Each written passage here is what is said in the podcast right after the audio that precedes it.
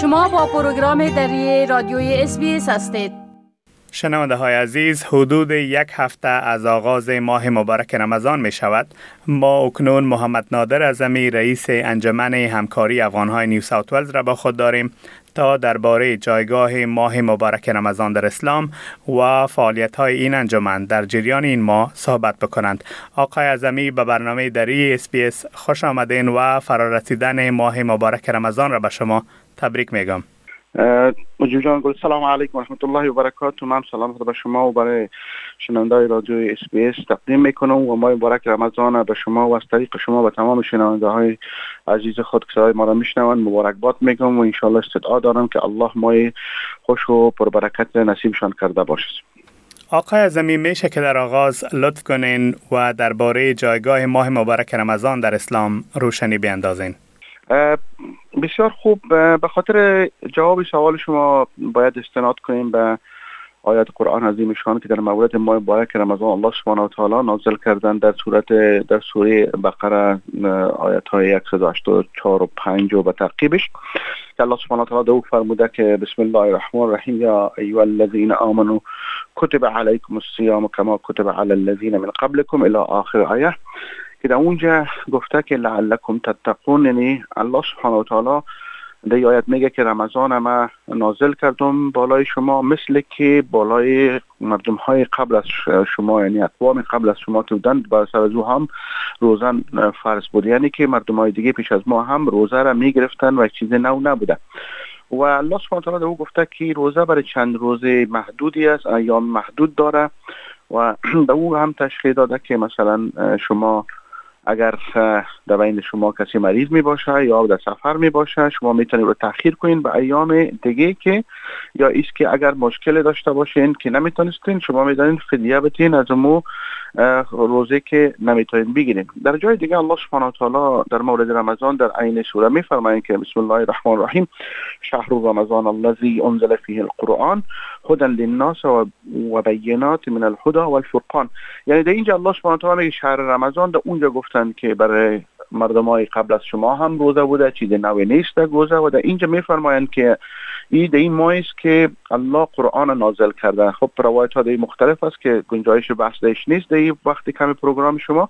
اما الله سبحانه تعالی میگه که قرآن در ماه مبارک رمضان نازل شده و این به خاطر چی؟ به خاطر هدایت کردن به خاطر رهنمایی کردن بشریت و انسان ها و به خاطر از اینکه انسان ها در بین خوب و بد فرق بگذارن. بنان ماه بارک رمضان یک ماه است که با هدایت و با قرآن سر کار داره و هدفش هم است که انسان پاک بکنه و متقی بسازه. تشکر از میس شما به این هم اشاره داشتین کسی که مسافر باشه یا هم مریض باشه. اما می‌خوایم به جزیات از شما بشنوم که بالای کدام افراد روزه فرض است و چه کسانی از گرفتن روزه در ماه مبارک رمضان معاف هستند؟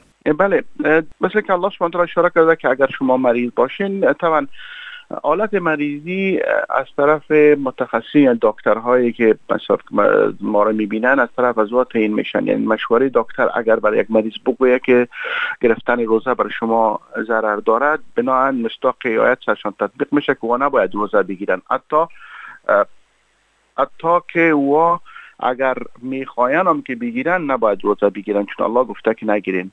و در قسمتی که سرکی فرض میشه در کدام موقع؟ کسی که بالغ و عاقل باشه. یعنی به سن بلوغ رسیده باشه تا زمانی که به شیخ فانی یا تا زمانی که روزه گرفتن حوصله داشته باشه بر از روزه گرفتن فرض میشه.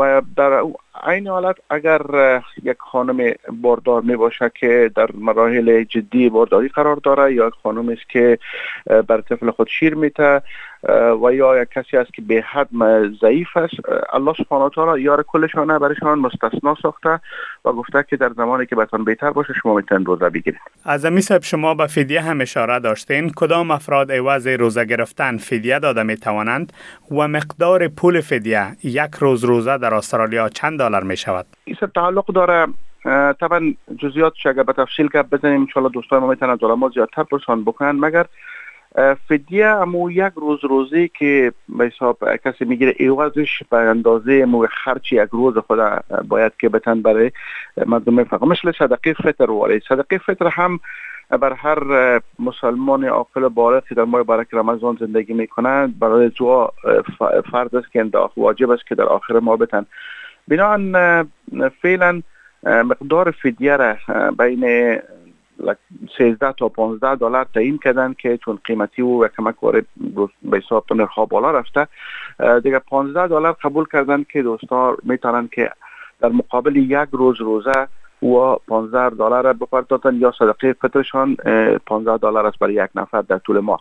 اما کدام کسا که شما اشاره کردین و کسایی هستند که مثلا شیخ فانی هستند یعنی که به اساس کهولت سن نمی‌تونن روزه بگیرن و وای وزش فدیه میتن و یا کسایی که مریضی هایی دارن که دکتر برشان گفتن که دیگه اوی مریضی هایشان یعنی جور شدنی نیستن و اگر روزه بگیرن حالتشان خراب میشه یعنی دوامدار مریض هستند بنان و ایواز روزه گرفتن. اما فدیه را می‌تونن در طول ماه بارک رمضان اگر سی روز باشه ضرب 15 بکنن یا اگر 29 روز باشه ضرب 15 بکنن امو را می‌تونن که در طول ماه بارک رمضان پیش از عید برای کسایی که مستحق هستند برای روان آقای ازمی انجمن همکاری افغانهای نیو ساوت ولز در ماه مبارک رمضان چی برنامه ها دارد؟